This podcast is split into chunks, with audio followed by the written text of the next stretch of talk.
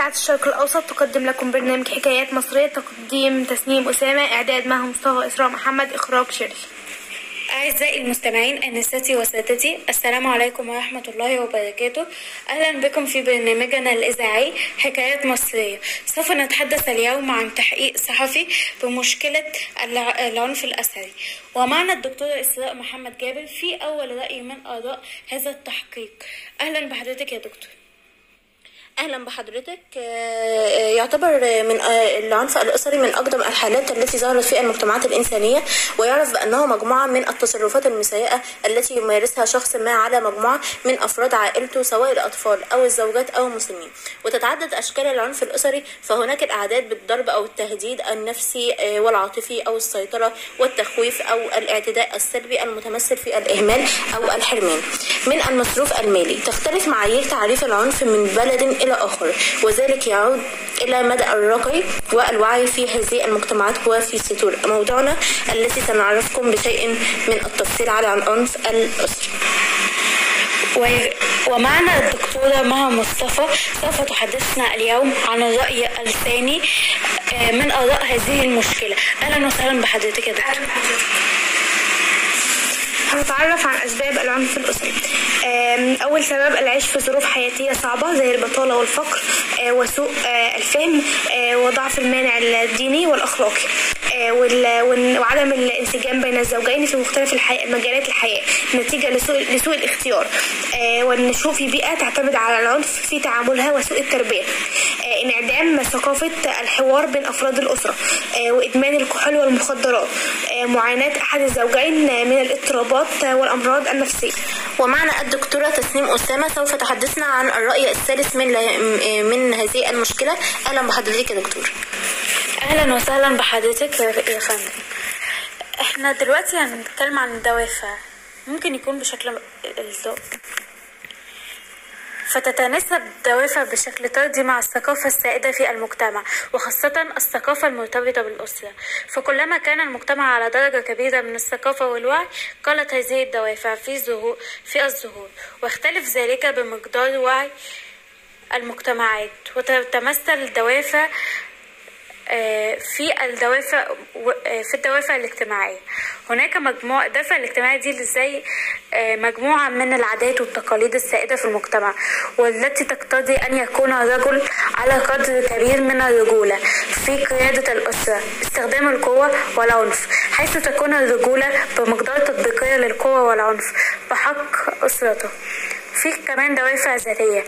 زي الدوافع الذاتية دي بتعرف إنه هي نوع من الدوافع له نتائج من نفس الشخص وذاته وهذا ما يؤدي لممارسة العنف الأسري وفي كمان دوافع اقتصادية تتمثل ذلك في تفريغ شحنات الفشل والخيبة والفقر الذي يظهر بممارسة العنف من الأب ضد أفراد ضد أفراد أسرته.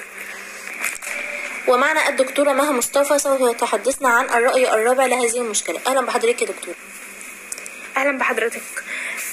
هنتعرف على نتائج العنف آه، تهديد كيان المجتمع. وذلك أن الأسرة هي النواة التي تشكل المجتمع وأي شيء يؤثر عليها وعلى كيانها يؤثر على المجتمع آم، من يتعرضون للعنف الأسري؟ يصابون بالعقد والإضطرابات النفسية. ومن الممكن أن تتطور لتصبح حالات مرضية. أو تصرفات عدائية وإجرامية. آه، تفكك الروابط العائلية وفقدان الثقة وعدم الشعور بالأمان بالإضافة إلى إمكانية تلاشي الأسرة وفقدانها لمكانتها. ارتفاع فرص ممارسة الشخص الذي تعرض للعنف الأسري آه، إلى نفس المنهج في المستقبل مع أفراد أسرته. ومعنا الدكتورة إسراء محمد سوف تعرفنا اليوم عن المشكلة الأخرى وهي الرأي الخامس لهذه المشكلة. وأهلا بحضرتك يا دكتورة أهلا بحضرتك. وحلول آه، هذه المشكلة ووصل وصول ضحايا العنف الأسري بالجهات المختصة المتاحة لتقديم المشورة اللازمة لها من خلال توفر خطوط ساخنة بينهما ومساعدة أولئك في حال لازم لازم للأمر. توضيح أهمية التراحم والترابط بين أفراد الأسرة من خلال تقديم الدعم والإرشاد الديني. نزع الولاية من الشخص المكلف بها في الأسرة في حال ثبوت عدم كفاءته في ذلك وتسليمها إلى شخص قريب آخر مع إلزامه بدفع النفقة أو إعطاء أطفال ضحايا العنف الأسري إلى أسر بديلة آه، ترعاهم. آه، الحرص على تقديم الاستشارات الاجتماعية والنفسية والأسرية للأسر التي ينتشر فيها العنف. وفي نهاية هذا التحقيق نقول وأيضا آه، تعرفنا في هذا التحقيق عن مشكلة عن أسباب ودوافع ونتائج مشكلة العنف الأسري. وتوصلنا إلى الحلول هذه المشكلة. ونلقاكم في الحلقة القادمة من برنامجنا الإذاعي. والسلام علي... والسلام عليكم ورحمة الله وبركاته.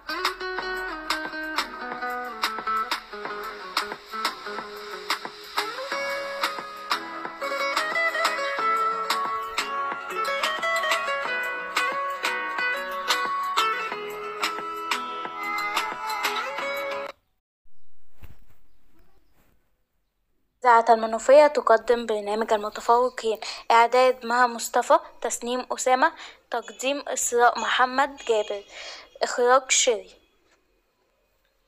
آه، أعزائي المستمعين السلام عليكم ورحمة الله وبركاته. أهلا وسهلا بكم في برنامجنا الإذاعي وسوف نتحدث اليوم عن موضوع في غاية الأهمية وهو التنمر. ونرحب آه، بالدكتورة مها آه، مصطفى أنديم. أهلا أهلا وسهلا بحضرتك. أهلا بحضرتك. قولنا يا دكتور يعني إيه هو التنمر أو إيه هو معناه؟ آه، التنمر ده ظاهرة عدوانية غير مرغوب فيها في المجتمع آه، تظهر من ممارسة العنف والسلوك العدواني آه، من شخص لشخص آخر أو من فرد لمجموعة أفراد آخرين طيب آه، إيه هي أنواعه أو ظواهره؟ آه، قد يكون إساءة لفظية آه، زي استخدام أسماء أو ألقاب الأفراد آه، واستخدام العنف آه، والتمييز العنصري الذي يظهر من معاملة الناس بشكل مختلف. طيب إيه هي أعراض التنمر؟ أو إيه هي الشكوى اللي آه، الأطفال اللي بي- بيشتكوا منها في هو التنمر؟ آه، الشكاوى المتكررة آه، من الصداع آه، آه، كوابيس المستمرة تغيرات آه، في عادات الأكل آه، ممتلكات مفقودة وإصابات غير مفسرة. طيب آه، وهي إيه أشكاله؟ آه، أشكال أو مظاهره. أشكال التنمر. آه، أشكال التنمر ده فيه تنمر بدني. آم، قد يكون ات- آه، اتصال بدني يقصد به إيذاء الفرد جسديا آه، ويأخذ أشكالا مختلفة آه، مثل الخدش آه، أو السيطرة الاجتماعية آه، كعدوان غير مباشر آه، وعدوان خاطئ آه، أو التنمر الجنسي يشمل التلميح بالرسائل غير مرغوب فيها مثل الصور والتهكمات. آه، التنمر عبر عبر الإنترنت عن التقدم التكنولوجي. آه، التنمر عبر الإنترنت دايما من خلال وسائل الاتصال الإلكتروني. وبذلك آه، قد انتهينا من الحلقة آه، وعرفنا أن التنمر ظاهرة غير مرغوب فيها في المجتمع ويجب القضاء عليها وعلمنا أيضا ما هي أسبابه ومفاهيم وأشكال وأنواع التنمر. وبذلك آه، نشكر الدكتورة مها مصطفى على مجهودها معنا ونلقاكم في حلقة قادمة والسلام عليكم ورحمة الله وبركاته. Thank you.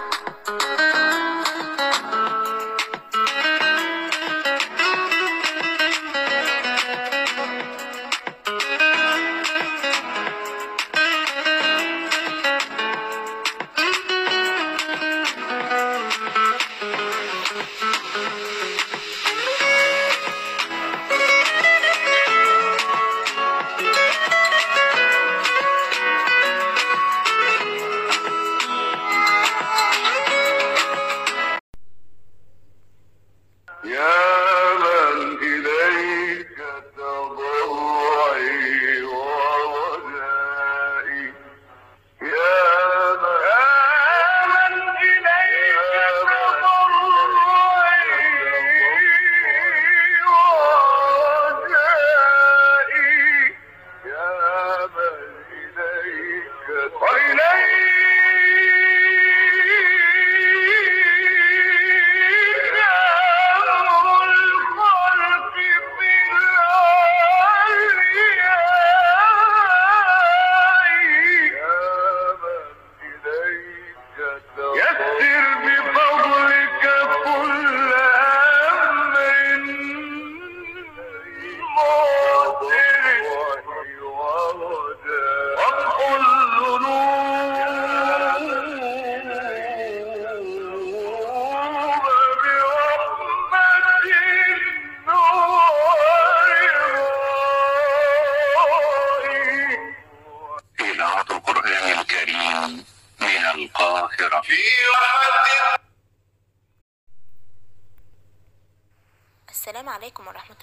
وبركاته. أعزائي المستمعين أهلا وسهلا بكم في برنامجنا الإذاعي أسماء الله الحسنى تقديم إسراء محمد جابر.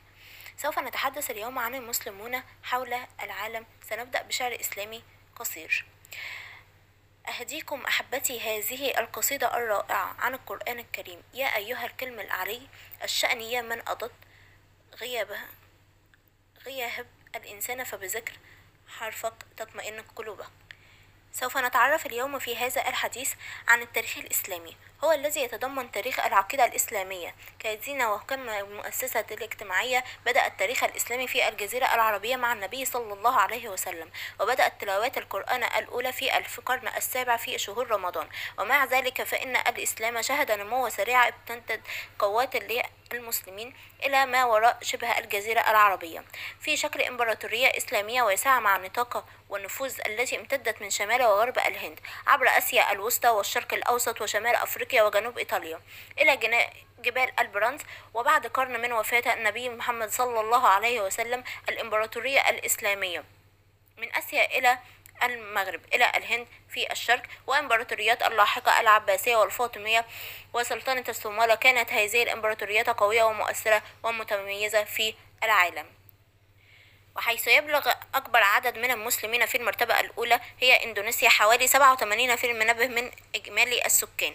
ويبلغ المرتبة الثانية في باكستان حوالي 96 من إجمالي عدد السكان الرتبة الثالثة. هي الهند 14% من المئة من إجمالي عدد السكان والمرتبة الرابعة هي بنجلاديش حوالي 90 من المئة. من إجمالي عدد السكان والمرتبة الخامسة هي جمهورية مصر العربية. والمرتبة السادسة هي دولة إيران حوالي 99 في المنبه من الإجمالي عدد السكان. ومن هنا نعلم أن المسلمون في شتى أنحاء العالم وليس من في مكان واحد فقط فهم في الشرق والغرب والشمال والجنوب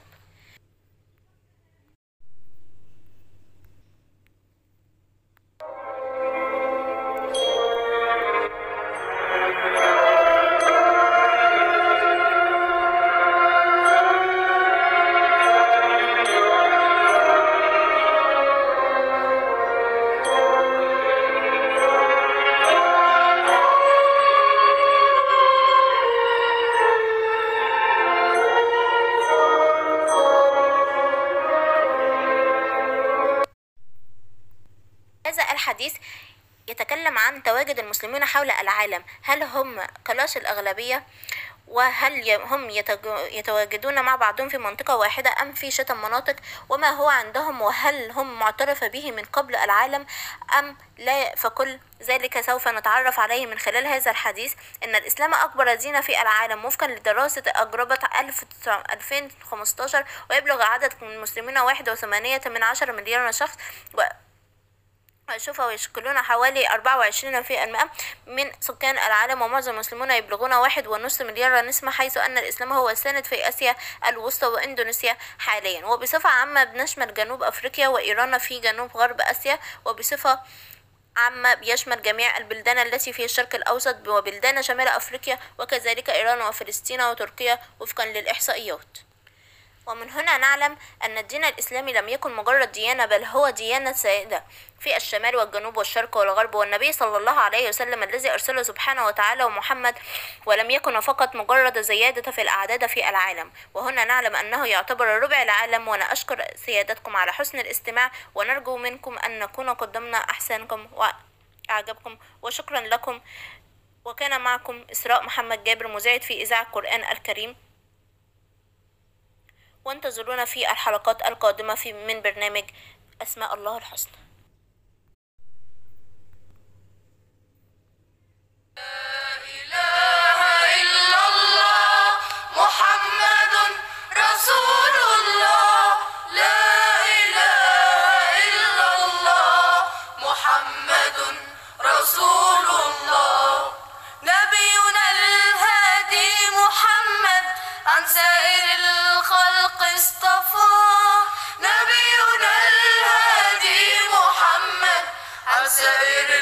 الخلق السابق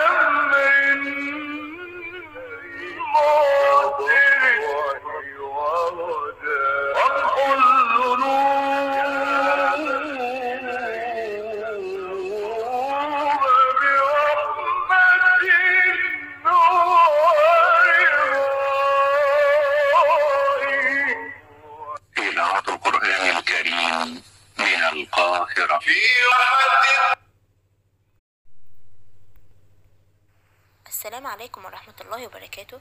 أعزائي المستمعين أهلا وسهلا بكم في برنامجنا الإذاعي أسماء الله الحسنى تقديم إسراء محمد جابر. سوف نتحدث اليوم عن المسلمون حول العالم. سنبدأ بشعر إسلامي قصير.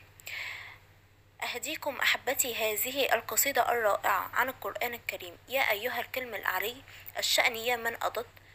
غيابها غياب الإنسان فبذكر حرفك تطمئن قلوبك سوف نتعرف اليوم في هذا الحديث عن التاريخ الإسلامي. هو الذي يتضمن تاريخ العقيدة الإسلامية. كدين وكما المؤسسة الاجتماعية بدأ التاريخ الإسلامي في الجزيرة العربية مع النبي صلى الله عليه وسلم وبدأت تلاوات القرآن الأولى في القرن السابع في شهور رمضان. ومع ذلك فإن الإسلام شهد نمو سريع ابتدت قوات المسلمين إلى ما وراء شبه الجزيرة العربية. في شكل إمبراطورية إسلامية واسعة مع نطاق والنفوذ التي امتدت من شمال وغرب الهند عبر آسيا الوسطى والشرق الأوسط وشمال أفريقيا وجنوب إيطاليا. إلى جبال البرانز وبعد قرن من وفاة النبي محمد صلى الله عليه وسلم الإمبراطورية الإسلامية.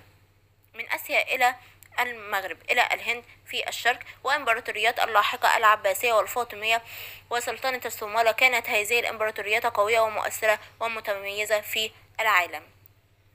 وحيث يبلغ أكبر عدد من المسلمين في المرتبة الأولى هي إندونيسيا حوالي 87% منبه من إجمالي السكان.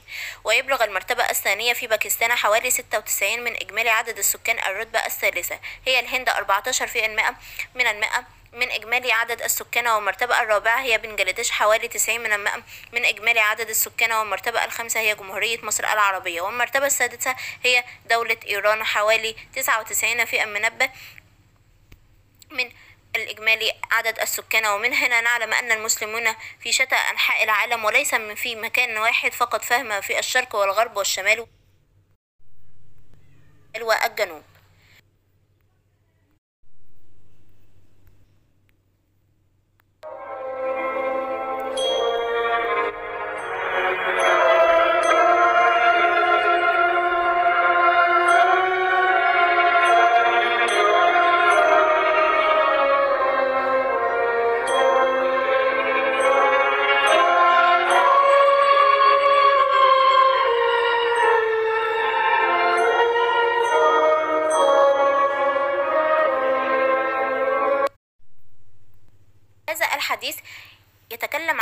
تواجد المسلمون حول العالم. هل هم كلاش الأغلبية؟ وهل هم يتواجدون مع بعضهم في منطقة واحدة أم في شتى مناطق؟ وما هو عندهم؟ وهل هم معترف به من قبل العالم أم لا؟ فكل ذلك سوف نتعرف عليه من خلال هذا الحديث. أن الإسلام أكبر دين في العالم وفقا لدراسة أجربت 2015 ويبلغ عدد المسلمين من عشر مليار شخص شوفوا يشكلون حوالي أربعة وعشرين في المئة من سكان العالم ومعظم المسلمون يبلغون واحد ونصف مليار نسمة حيث أن الإسلام هو السائد في آسيا الوسطى وإندونيسيا حاليا. وبصفة عامة بنشمل جنوب أفريقيا وإيران في جنوب غرب آسيا وبصفة عامة بيشمل جميع البلدان التي في الشرق الأوسط وبلدان شمال أفريقيا وكذلك إيران وفلسطين وتركيا وفقا للإحصائيات. ومن هنا نعلم أن الدين الإسلامي لم يكن مجرد ديانة بل هو ديانة سائدة في الشمال والجنوب والشرق والغرب. والنبي صلى الله عليه وسلم الذي أرسله سبحانه وتعالى ومحمد ولم يكن فقط مجرد زيادة في الأعداد في العالم. وهنا نعلم أنه يعتبر ربع العالم وأنا أشكر سيادتكم على حسن الاستماع. ونرجو منكم أن نكون قدمنا أحسانكم وأعجبكم. وشكرا لكم. وكان معكم إسراء محمد جابر مذيعة في إذاعة القرآن الكريم. وانتظرونا في الحلقات القادمة في من برنامج أسماء الله الحسنى.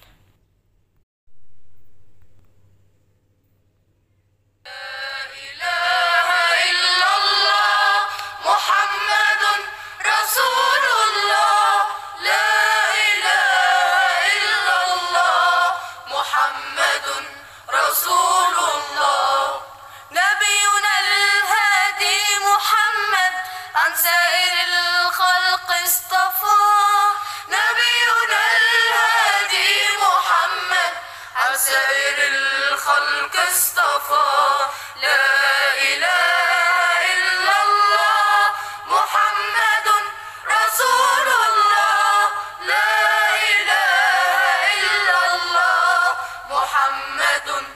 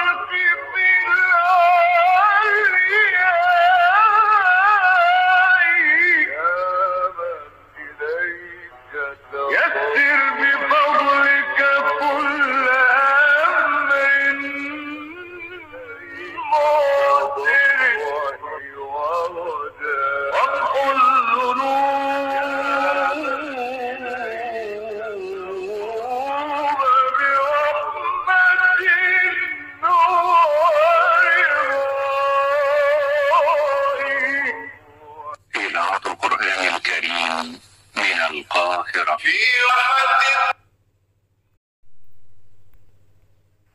السلام عليكم ورحمة الله وبركاته.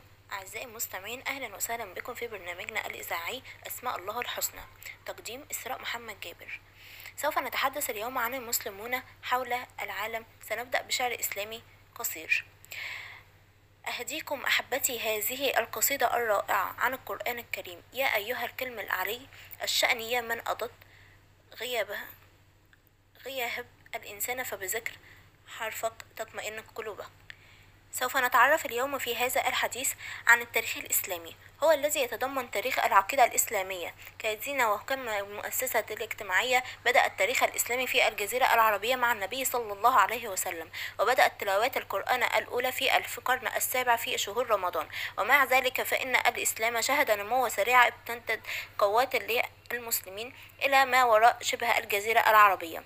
في شكل إمبراطورية إسلامية واسعة مع نطاق والنفوذ التي امتدت من شمال وغرب الهند عبر آسيا الوسطى والشرق الأوسط وشمال أفريقيا وجنوب إيطاليا إلى جبال البرانز وبعد قرن من وفاة النبي محمد صلى الله عليه وسلم الإمبراطورية الإسلامية. من آسيا إلى المغرب إلى الهند في الشرق وإمبراطوريات اللاحقة العباسية والفاطمية وسلطنة الصومالة كانت هذه الإمبراطوريات قوية ومؤثرة ومتميزة في العالم. وحيث يبلغ أكبر عدد من المسلمين في المرتبة الأولى هي إندونيسيا حوالي 87% من إجمالي السكان. ويبلغ المرتبة الثانية في باكستان حوالي 96 من إجمالي عدد السكان الرتبة الثالثة. هي الهند 14% من المئة من إجمالي عدد السكان والمرتبة الرابعة هي بنجلاديش حوالي 90 من المئة من إجمالي عدد السكان والمرتبة الخامسة هي جمهورية مصر العربية. والمرتبة السادسة هي دولة إيران حوالي 99 في المنبه من الإجمالي عدد السكان ومن هنا نعلم أن المسلمون في شتى أنحاء العالم وليس من في مكان واحد فقط فهم في الشرق والغرب والشمال والجنوب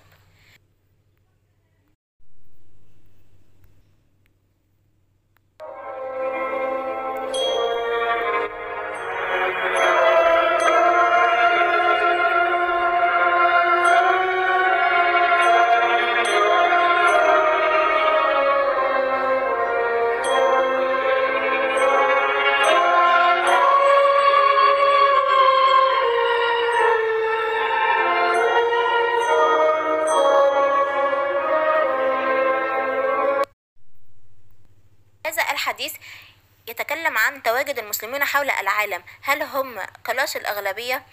وهل هم يتواجدون مع بعضهم في منطقة واحدة أم في شتى المناطق وما هو عندهم؟ وهل هم معترف به من قبل العالم أم لا؟ فكل ذلك سوف نتعرف عليه من خلال هذا الحديث. أن الإسلام أكبر دين في العالم وفقا لدراسة أجربت 2015 ويبلغ عدد المسلمين من عشر مليار شخص و شوف يشكلون حوالي أربعة وعشرين في المئة من سكان العالم ومعظم المسلمون يبلغون واحد ونصف مليار نسمة حيث أن الإسلام هو السائد في آسيا الوسطى وإندونيسيا حاليا. وبصفة عامة بنشمل جنوب أفريقيا وإيران في جنوب غرب آسيا وبصفة عامة بيشمل جميع البلدان التي في الشرق الأوسط وبلدان شمال أفريقيا وكذلك إيران وفلسطين وتركيا وفقا للإحصائيات. ومن هنا نعلم أن الدين الإسلامي لم يكن مجرد ديانة بل هو ديانة سائدة في الشمال والجنوب والشرق والغرب. والنبي صلى الله عليه وسلم الذي أرسله سبحانه وتعالى ومحمد ولم يكن فقط مجرد زيادة في الأعداد في العالم. وهنا نعلم أنه يعتبر ربع العالم وأنا أشكر سيادتكم على حسن الاستماع ونرجو منكم أن نكون قدمنا أحسنكم وأعجبكم. وشكرا لكم.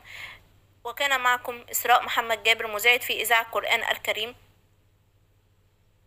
وانتظرونا في الحلقات القادمة في من برنامج أسماء الله الحسنى.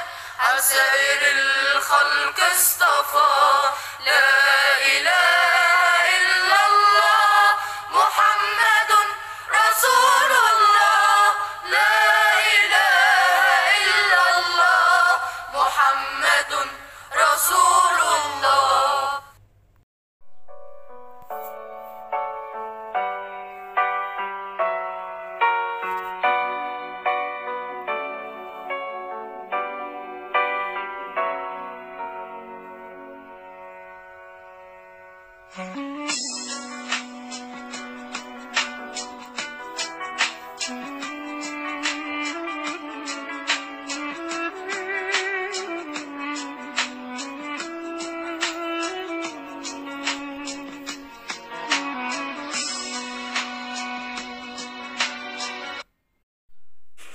الشرق الأوسط تقدم لكم برنامج حكايات مصرية تقديم تسنيم أسامة إعداد معهم مصطفى إسراء محمد إخراج شريف. أعزائي المستمعين أنساتي وسادتي. السلام عليكم ورحمة الله وبركاته. أهلا بكم في برنامجنا الإذاعي حكايات مصرية. سوف نتحدث اليوم عن تحقيق صحفي بمشكلة الع- العنف الأسري ومعنا الدكتورة إسراء محمد جابر في أول رأي من آراء هذا التحقيق. أهلا بحضرتك يا دكتور. أهلا بحضرتك. آه، آه، يعتبر من آه، العنف الأسري من أقدم الحالات التي ظهرت في المجتمعات الإنسانية ويعرف بأنه مجموعة من التصرفات المسيئة التي يمارسها شخص ما على مجموعة من أفراد عائلته سواء الأطفال أو الزوجات أو المسنين وتتعدد أشكال العنف الأسري فهناك الأعداد بالضرب أو التهديد النفسي والعاطفي أو السيطرة والتخويف أو الاعتداء السلبي المتمثل في الإهمال أو الحرمان. من المصروف المالي تختلف معايير تعريف العنف من بلد إلى آخر. وذلك يعود إلى مدى الرقي والوعي في هذه المجتمعات وفي سطور موضوعنا التي سنعرفكم بشيء من التفصيل على العنف الأسري و- ومعنا الدكتورة مها مصطفى.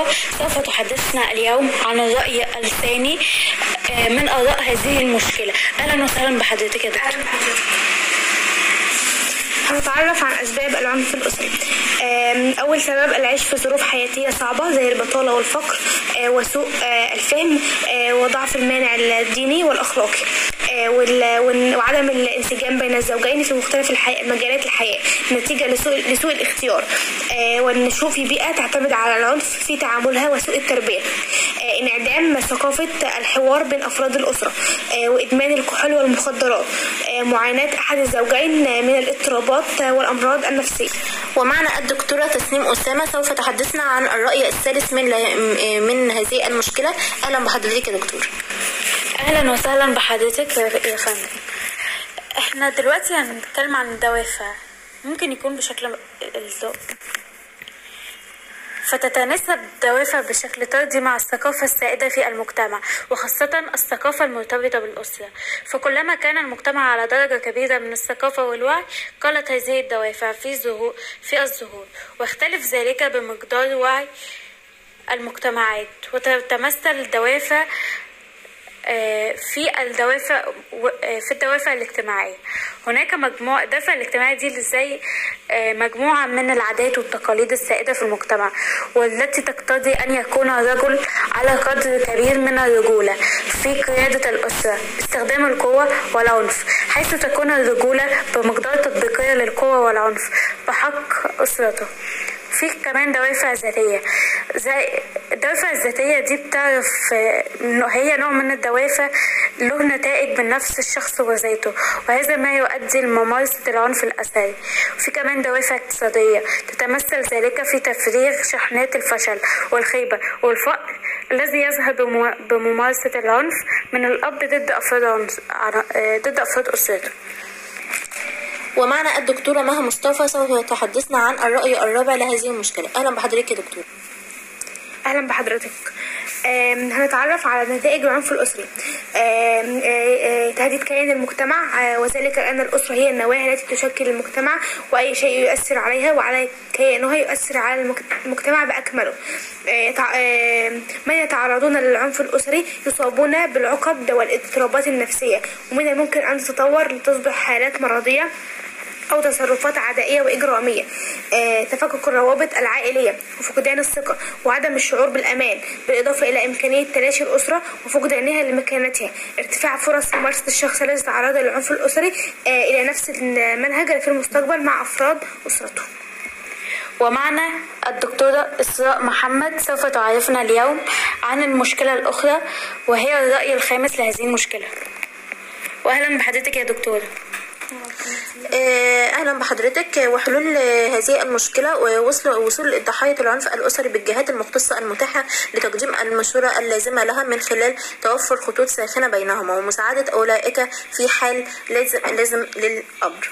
توضيح أهمية التراحم والترابط بين أفراد الأسرة من خلال تقديم الدعم والإرشاد الديني. نزع الولاية من الشخص المكلف بها في الأسرة في حال ثبوت عدم كفاءته في ذلك وتسليمها إلى شخص قريب آخر مع إلزامه بدفع النفقة أو إعطاء أطفال ضحايا العنف الأسري إلى أسر بديلة آه، ترعاهم.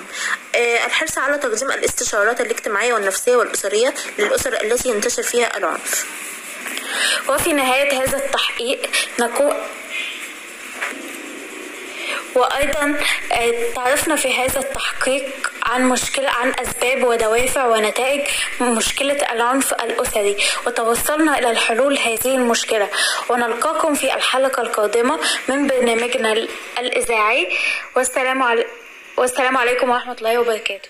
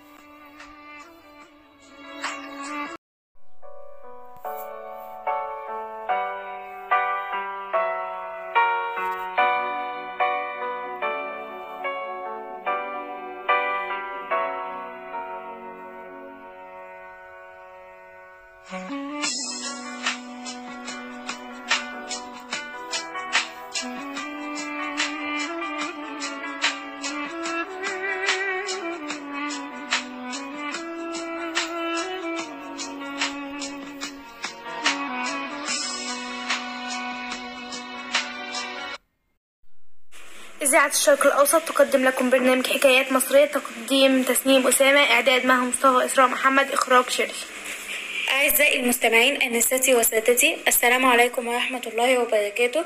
أهلا بكم في برنامجنا الإذاعي حكايات مصرية. سوف نتحدث اليوم عن تحقيق صحفي بمشكلة الع- العنف الأسري ومعنا الدكتورة إسراء محمد جابر في أول رأي من آراء هذا التحقيق. أهلا بحضرتك يا دكتور.